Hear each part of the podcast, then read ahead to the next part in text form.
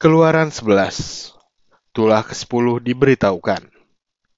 Berfirmanlah Tuhan kepada Musa, Aku akan mendatangkan satu tulah lagi atas Firaun dan atas Mesir. Sesudah itu ia akan membiarkan kamu pergi dari sini. Apabila ia membiarkan kamu pergi, ia akan benar-benar mengusir kamu dari sini. Baiklah katakan kepada bangsa itu, supaya setiap laki-laki meminta barang-barang emas dan perak kepada tetangganya, dan setiap perempuan kepada tetangganya pula. Lalu Tuhan membuat orang Mesir bermurah hati kepada bangsa itu. Lagi pula Musa adalah seorang yang sangat terpandang di tanah Mesir, di mata pegawai-pegawai Firaun dan di mata rakyat.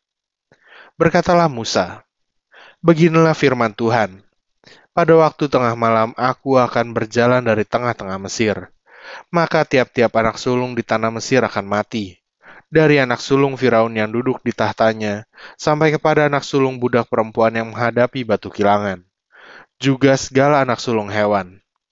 Dan seruan yang hebat akan terjadi di seluruh tanah Mesir, seperti yang belum pernah terjadi dan seperti yang tidak akan ada lagi. Tetapi kepada siapa juga dari orang Israel, seekor anjing pun tidak akan berani menggonggong, baik kepada manusia maupun kepada binatang supaya kamu mengetahui bahwa Tuhan membuat perbedaan antara orang Mesir dan orang Israel. Dan semua pegawaimu ini akan datang kepadaku dan sujud kepadaku serta berkata, Keluarlah, engkau dan seluruh rakyat yang mengikut engkau. Sudah itu aku akan keluar. Lalu Musa meninggalkan Firaun dengan marah yang bernyala-nyala.